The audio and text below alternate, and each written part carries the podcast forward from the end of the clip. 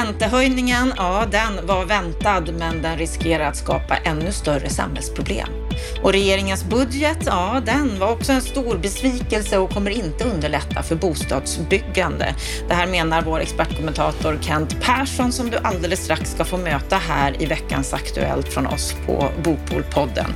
Vi kommer också att eh, prata om hur Hans Lind argumenterar när det gäller om det ska subventioneras eller inte. Vi kommer också prata om bostadsministerns nya uppdrag till Boverket när det gäller att redovisa var det finns byggbar mark för småhus. Och så den nya debatten mellan Hyresgästföreningen och Fredrik Kopsch när det gäller att stärka eller inte stärka allmännyttan. Varmt välkommen till oss på Bopolpodden och veckans Aktuellt. Jag heter Anna Bellman.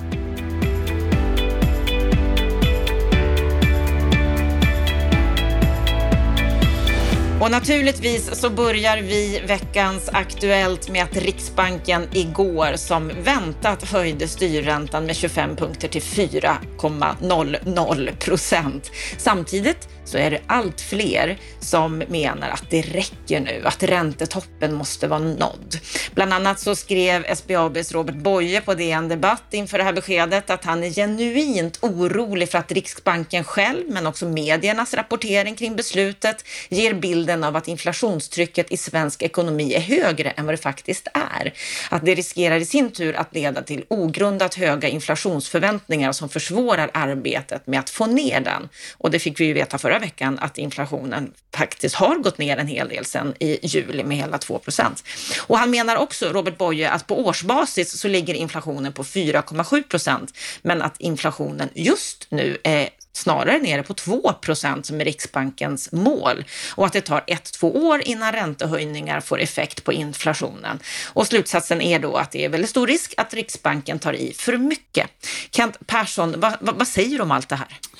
Ja, det var ju väntat att vi skulle få den här räntehöjningen och så får vi se om det kommer fler räntehöjningar. Men eh, jag noterar också att det är berett nu i finansvärlden och i fastighetsbranschen ifrågasätts om det verkligen är rätt att höja räntan mer. I den delen ska jag säga det att Robert Boye är en av dem som jag har ett mycket stort förtroende för. Han är välgrundad i sin argumentation, är välgrundad i sin kunskap och han med flera pekar ju just på detta att förmodligen är inflationen mycket lägre nu än vad den är när man mäter det på årstakt. Och det gör ju att förmodligen har redan räntehöjningarna börjat att bita och de kommer att fortsätta bita. Så, så, att eh, Riksbanken borde sitta lite, lite still och lite lugnt nu. För att förmodligen är det så att de räntehöjningarna vi nu ser, de är direkt skadliga. Både för samhällsekonomin, kommer påverka i mycket hög utsträckning negativ hushållen och tittar vi liksom på då fastighetsbranschen så att så länge räntorna fortsätter att stiga så är det i princip helt omöjligt att få igång nyproduktionen av bostäder i Sverige. Alltså vi kommer att få se ännu brantare fall på nyproduktionen så länge räntorna fortsätter att stiga. Så att det här är, det här är minst sagt inte bra. Men varför tror du att det är den här dissonansen mellan ekonomer som experter och Riksbankens agerande i det här? Riksbanken följer väl det som de tycker är sitt uppdrag eh, och fullföljer det nu eh, hela vägen ut. Och jag tycker att det är problematiskt att man inte från Riksbanken nu lyssnar också in de andra aspekterna in i detta. Jag förstår också att regeringen är passiv i detta för att de vill inte gå i konflikt med Riksbanken och ska inte göra med så som som upplägget är. Riksbanken ska ju vara helt fristående och är det. Men det är klart att vi nu är inne i ett läge där de här höga räntorna och fortsatta räntehöjningar påverkar samhällsekonomin negativt och det eh, behöver belysas ännu tydligare och jag tycker att Riksbanken borde lyssna in det. Ett område där regeringen ju har varit aktiva, det är budgeten. I veckan så kom ju budgeten och där blev det inga ytterligare nyheter. Det landade i ett förlängt höjt bostadsbidrag, höjt rottak och stimulanser för ombyggnationer av lokaler till bostäder och till kommunerna för planering av småhus. Du Kent, du har ju redan uttryckt din besvikelse över det här, här i podden. Kan det ändå komma åtgärder i höst som nödvändigtvis inte behöver synas i den här budgeten. Vad tror du? Jag är tveksam till det eh, utifrån de signalerna som regeringen nu också har gett i samband med den här budgeten. De har ändå pekat på att de eh, förstår att eh, byggkrisen påverkar samhällsekonomin negativt Och på något sätt har de också pekat på att de här åtgärderna de nu gör ska hjälpa till att lindra effekterna. Det gör de inte alls. Alltså, jag är oerhört besviken på, på den här budgeten utifrån att den kommer inte stödja byggproduktionen utav bostäder överhuvudtaget. Så att den krisen vi nu ser, den kommer kraftigt fördjupas under hösten. Jag är alldeles övertygad om att vi kommer få se fler byggbolag som kommer att varsla personal, kompetens. Jag tror att vi kommer få se fler byggföretag och småhustillverkare som kanske till och med går i konkurs. Eh, och tittar vi då på det ägda boendet så kommer det vara i princip helt omöjligt att eh, komma ut och producera och sälja. Det finns ingen efterfrågan och i den delen hade regeringen kunnat stärkt efterfrågan. En sån sak, det hade ju varit att justerat upp brytpunkten, låtit den brytpunkten fått följa med. Den målgruppen, alltså den gruppen eh, av människor som har ekonomi, hade kanske då vågat börja beställa. Det kommer man inte göra. Så att man måste stimulera en bättre efterfrågan och tittar vi på det hyrda boendet så hjälper ju det här ingenting. Och här måste det till reformer och det är ju också så som vi har påtalat flera gånger. Många av de här strukturella reformerna, både in emot det ägda boendet men också mot det hyrda boendet, kostar ju inga pengar. Det är strukturella reformer som behöver genomföras. De kommer heller inte påverka inflationen, utan det handlar om att genomföra strukturella reformer som ser till att bostadsmarknaden börjar fungera bättre. Och det måste politiken ge sig på nu. Annars är det så att vi nu går in i det både jag och Lennart Weiss flera gånger har varnat för och delvis utmålat som att vi är för negativa.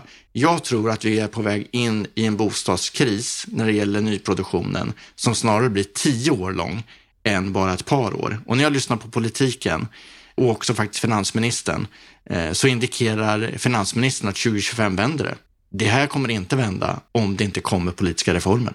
Någon som inte tycker att vi behöver ha så mycket politiska reformer eller att vi i alla fall inte behöver ha så mycket stimulans från politiskt håll, det är Hans Lind, professorn. Han säger bland annat så här i en intervju med Affärsvärlden att en bransch ska inte räddas av politiker hela tiden. Han har i den här intervjun diskuterat stöd och subventioner och när det gäller just rotavdraget så sa han så här. Jag kan tycka att en bransch där man läser om att det är sådana kostnadsökningar och effektivitetsproblem inte ska räddas av politiken hela tiden.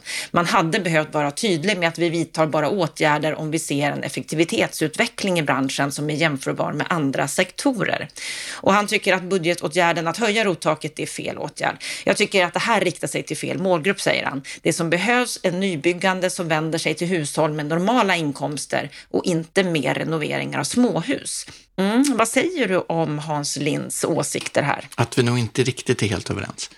Alltså, det är klart att bor man i, i det landet i världen som har bland de högsta skatterna i världen, så blir det också så att en del av den finansiella och skattepolitiken blir den här typen ut, ut av stöd eller subventioner. Det är klart att hade vi haft lägre skatter, då hade man också kunnat sagt att det här får småhusägare själva ta hand om för att man har en så stark ekonomi i grund och botten.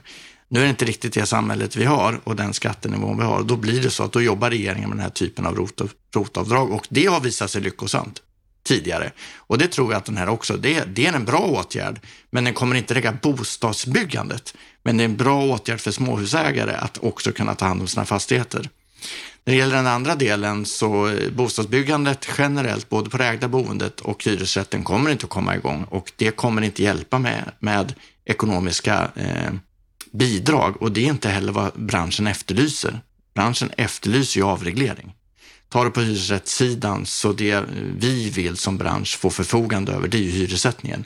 Införandet av en fri hyressättning skulle göra att vi kan planera och få eh, förutsägbarhet i hur ekonomin kommer att utvecklas och det blir även för hyresgästen förutsägbart. Så att en avreglering och lägga ett större ansvar på marknaden, det är vad vi behöver, inte fler stöd och bidrag. I den delen är vi överens att det inte behövs fler stöd och bidrag, men vi kommer utifrån olika infallsvinklar in i den frågan. Mm, vi får se vad det är som kommer att göras ifrån politiskt håll. Det vi vet att vår bostadsminister Andreas Karlsson gör, det är att han i veckan gav Boverket en ny uppgift. Att de ska redovisa var det finns byggbar mark för småhus och om den marken ligger där det är lönsamt att bygga. De vill också att Boverket ska kartlägga var det byggs småhus av olika typer, vilka företag som står för byggandet och i vilken utsträckning kommuner upplåter tomter för för just småhusbyggande. Och som vi vet och som vi har hört regeringen säga så har de ju ett väldigt tydligt syfte att de vill öka just småhusbyggandet och en av budgetnyheterna handlade ju om precis det här. Hur, hur, säger de om det här uppdraget som de ger till Boverket nu? att man som regering måste kunna göra flera saker samtidigt. Det här är inte fel, utan kommer säkert också långsiktigt att skapa lite bättre möjligheter för småhusbyggande i hela landet. Sen är det ju också så att, att tittar vi brett ut i landet så finns det ju mark. Alltså i många kommuner är inte markfrågan problemet, utan problemet är snarare efterfrågesidan och att eh, det blir ganska dyrt att bygga ett småhus. Och den gruppen är inte så stor i Sverige och de vill också tendera till att vilja bo ganska nära de stora städerna och tillväxtstäderna och också ganska nära centrum. Så att, att bara ta fram mer mark är inte säkert att per automatik att det kommer leda till ett mer eh, småhusbyggande. Men det är en sak som man behöver göra som regering och det är bra. Men de får inte enbart hamna där och det är där min kritik ligger lite grann på den här regeringen. Det är att man ligger för tungt på småhusbyggande. Man måste också skapa förutsättningar för framförallt hyresrätten att kunna växa fram. För att det är ju så att liksom tar vi in hyresrätten i hela samhällsstrukturen jag skulle säga så här, vi har ganska många städer i Sverige som behöver fortsätta växa. Alla våra tillväxtorter, huvud, huvud, alltså storstadsområdena med Stockholm, Göteborg, Malmö och våra universitetsorter. Men då är det också så att de som ska flytta dit, de flyttar i första hand till en hyresrätt och vill det av det enkla skälet att ska du studera eller ska börja jobba eller träffa kärleken och ska flytta till en ny stad så vill du lära känna staden innan du gör ditt livs största investering och köper ditt boende. Det är bak... Menar du att, att regeringen är för, för snåla med sin hyresrättspolitik? Ja, de är för snåla och det gör också att, att tillväxten kommer att minska. Ska vi få upp tillväxten så behöver vi fler hyresrätter som gör att det blir lättare att skapa en rörlighet och flytta dit jobben finns och, eh, och för att kunna studera. Idag bromsas det. Och jag ska säga att det är bakvänt i Sverige att när du ska flytta till våra storstadsregioner och också rätt många universitetsorter, så måste du när du ska flytta dit köpa ditt boende. Det är en mycket tydligt bevis på att den svenska bostadsmarknaden inte fungerar.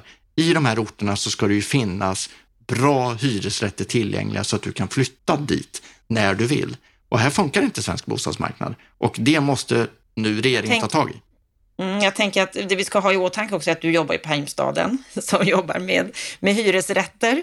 Men samtidigt när vi pratar om de här frågorna så pratar vi ofta om den här statistiken om att 70 procent av svenskarna gärna vill bo i småhus. Hur, hur, hur tacklar vi det? Nej, men jag tycker att det är bra och, och min poäng är att hela kedjan måste hänga ihop. Det vill säga, du måste ha en helhet i en fungerande eh, bostadsmarknad. Annars kommer inte småhusmarknaden heller att fungera. Så att du måste ha en fungerande småhusmarknad, du måste ha en fungerande marknad för det ägda boendet och du måste ha en fungerande marknad för hyresrättsmarknaden. Eh, och det kommer gynna alla parter, så att även för Heimstaden så kommer det alltså bli en bättre affär om det också finns en fungerande småhusmarknad. Mitt bekymmer och mitt medskick till regeringen är att jättebra att ni tittar på hur småhusmarknaden kan bli bättre, men ni måste också titta på hur hela marknaden kan fungera bättre och där ligger ni efter som regering. Vi ska gå vidare till en annan nyhet under veckan. Det är nämligen så att förvärvslagsutredningen lämnade i veckan över sitt betänkande till riksdagen och de föreslår att man ska återinföra den gamla hyresförvärvslagen. Den går i korthet ut på att alla överlåtelser av hyresfastigheter måste anmälas till kommunen som sen kan begära prövning hos hyresnämnden. Tanken bakom, ja, det är ju att oseriösa aktörer ska stoppas från att köpa hyreshus. Fastighetsägarna de är mycket kritiska till det här. De menar att svenska hyreshus är välskötta, att lagen är onödig, att den innebär krångel och byråkrati och leder till minskad investeringsvilja. Hyresgästföreningen är däremot positiv och menar att det här skulle vara en stor förbättring i arbetet mot kriminella och oseriösa köpare. Kent, vad säger du om det här lagförslaget? Den här utredningen startades ju av den förra regeringen och det här är en av de utredningarna som den här regeringen borde ha stoppat på en gång. Så det, jag delar fastighetsägarnas kritik mot detta, att detta skulle bara leda till elände. Alltså det skulle skapa mycket svårare förutsättningar för att kunna investera i, i hyresfastigheter och eh, det är det minsta vi skulle behöva nu med redan en problematisk marknad. Det är att få ännu mer försämrade möjligheter att kunna investera i hyresfastigheter.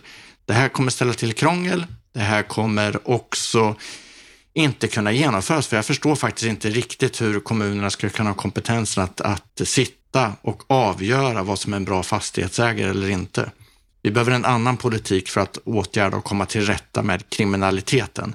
Men lös då den frågan istället för att skapa sämre förutsättningar för fastighetsägande generellt i Sverige. Vi ska gå vidare till en annan debatt som har blossat upp i veckan. Det är också med Hyresgästföreningen och med Timbros chefsekonom Fredrik Kopsch. De har en ny debatt, de brukar ju debattera ibland. Den här gången handlar det om allmännyttan. Hyresgästföreningen de skrev nyligen ett debattinlägg på Alltinget med rubriken Bostadspolitiken måste sluta urholka allmännyttan. Att allmännyttans andel av det svenska bostadsbeståndet har minskat kraftigt de senaste decennierna och Hyresgästföreningen de vill se åtgärder åtgärder för att bygga upp en kraftigare allmännytta igen. Det här håller inte Fredrik Kopsch med om. Han skriver istället sälj allmännyttan. Han menar att den enda nytta man kan ha av just allmännyttan är att använda den för sociala ändamål. Vems sida står du på när det gäller det här Kent? I det här fallet tycker jag Fredrik Kopsch och Timbro har fel. Alltså jag tycker att vi behöver ha en välfungerande allmännytta och i den delen så innebär det att när jag tittar på hur fastighetsbeståndet behöver fungera på hyresrättsmarknaden för att du ska ha en trovärdighet och kunna göra ett bra jobb, då behöver du ha hela fältet av lägenheter. Det vill säga att du måste kunna ta hand om både de som har sociala problem och hjälpa dem in på bostadsmarknaden.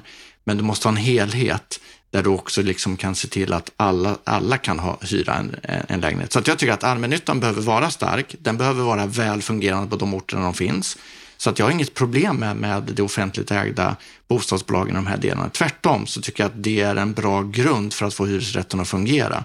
Hur stor den ska vara, det kan man ha en diskussion om. För att det är också så att på de orterna där allmännyttan blir alldeles för dominerande, ja, då blir det svårt för konkurrenterna att kunna växa fram och få, få en bra förvaltning och kunna konkurrera. För att det vi behöver är en sund konkurrens även på hyresrättssidan för att det kommer leda till bättre fastigheter. Så att i det här fallet så ligger jag närmare Hyresgästföreningen och jag tycker att de har en del poänger i sin argumentation i att stärka allmännyttans uppdrag. Sen är vi kanske inte fullt ut överens, eh, men jag, jag, tycker, jag lutar mer åt det hållet och jag tycker att vi ska ha en stark allmännytta i Sverige. Men om den ska bli ännu starkare och på vilka orter, där är du inte helt... Nej, men vi behöver en väl fungerande och i vissa orter så är även allmännyttan för små och har svårt att få effektivitet i sin förvaltning. Men man kommer ju också in på, på den sociala dimensionen i detta och eh, hela diskussionen kring hur ska vi lösa det ökade trycket på att få fram fler sociala eh, bostäder. Jag tror ju inte att allmännyttan ska vara ett bolag som enbart ägnas åt sociala bostäder, för då skulle vi få social housing i en väldigt negativ bemärkelse i landet och det gynnar ingen. Vi behöver faktiskt ha en fungerande bostadspolitik där vi även tar in den sociala bostadspolitiken och då är det ju så att den typen av bostäder ska ju spridas i befintliga bestånd, alltså i hela bestånden och då behöver vi ha en allmännytta som fungerar.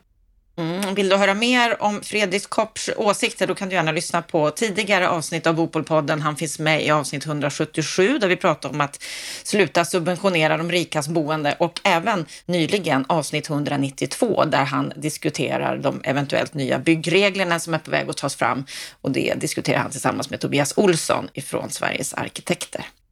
Vi ska avsluta veckans Aktuellt med villaägarnas Håkan Larsson som på GP Debatt skriver att 212 000 nya hyresrätter hade kunnat skapas om norska regler för privatuthyrning infördes i Sverige. För i Norge är det tillåtet att hyra ut halva bostaden skattefritt. Det är vanligt i Norge. Hela 4,7 procent av permanentbostäderna utgörs av förhyrningar i privatbostäder. Hade det här varit lika utbrett i Sverige så hade alltså 212 000 nya bostäder kunnat skapas. Hur tänker du kring det här, Kent? Att det är intressant. Sen tror jag att det kanske också är en kulturfråga. Det här har man jobbat länge med i Norge och då, då blir det liksom en del av den fungerande bostadsmarknaden.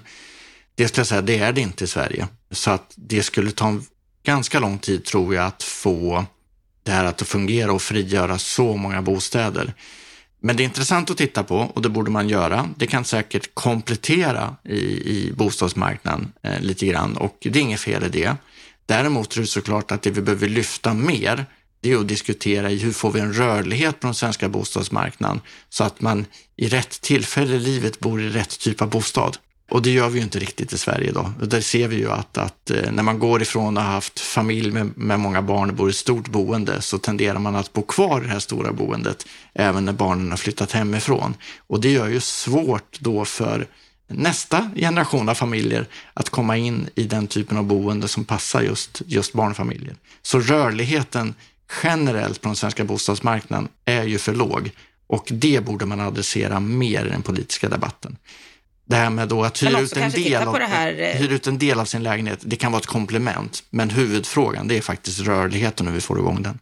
Mm, med tanke på att man aviserar att vi bara kommer att bygga ungefär 20 000 bostäder i Sverige de kommande åren och skulle behöva betydligt fler, så kanske det behövs många typer av komplement. Absolut. Precis så. Nu när vi går in i en ganska lång period med alldeles för lite och alldeles för lågt bostadsbyggande, ja då kommer den här typen av frågor bli viktigare. Och i den delen så tycker jag att det är intressant att man lyfter exemplet som man ser från Norge. Och man borde titta på hur kan vi ändå skapa möjligheter för att införa detta i Sverige. Mm. Någonting som vi också behöver titta på det är ju hur snabbt det egentligen går att bygga. Och eh, på måndag då ska vi få träffa två kommuner som är bäst i klassen när det gäller detaljplaner och bygglovsprocesser. Då ska vi få träffa Trosa och Gävle kommun som alltså har vunnit kan man säga initiativet Bygg i tids nya nationella ledtidsindex. Ett samtal som du Kent kommer att kommentera så Lyssna gärna in vårt program på måndag där du får träffa Ulrika Olsson ifrån Gävle och Mats Gustafsson ifrån Trosa. Tack Kent för eh, din analys av det aktuella som har skett i veckan. Tack till dig som har lyssnat på oss i Bopolpodden. Vi önskar dig en riktigt trevlig helg och så hoppas vi att vi hörs på måndag igen.